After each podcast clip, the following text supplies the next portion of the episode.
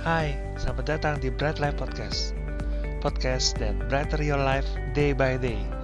Bersama saya Yosi Budi. Selamat mendengarkan.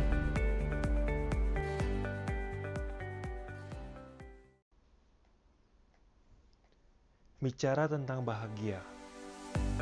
Berbahagialah orang yang tidak berjalan menurut nasihat orang fasik.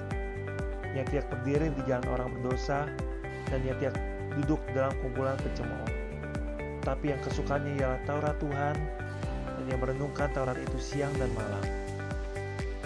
Ia seperti pohon yang ditanam di tepi aliran air, yang menghasilkan buahnya pada musimnya, dan yang tidak layu daunnya. Apa saja yang diperbuatnya berhasil.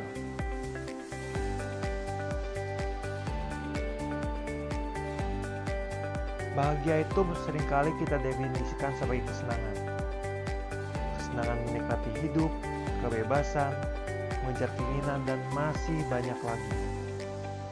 Tapi kesenangan bukan berarti bahagia. Bahagia itu dari dalam. Kata itu bahagia tidak ditentukan oleh alasan.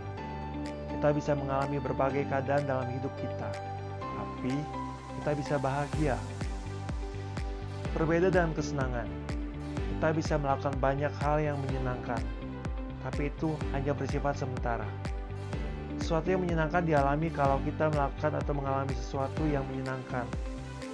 Apabila masalah datang, kesenangan pun menghilang.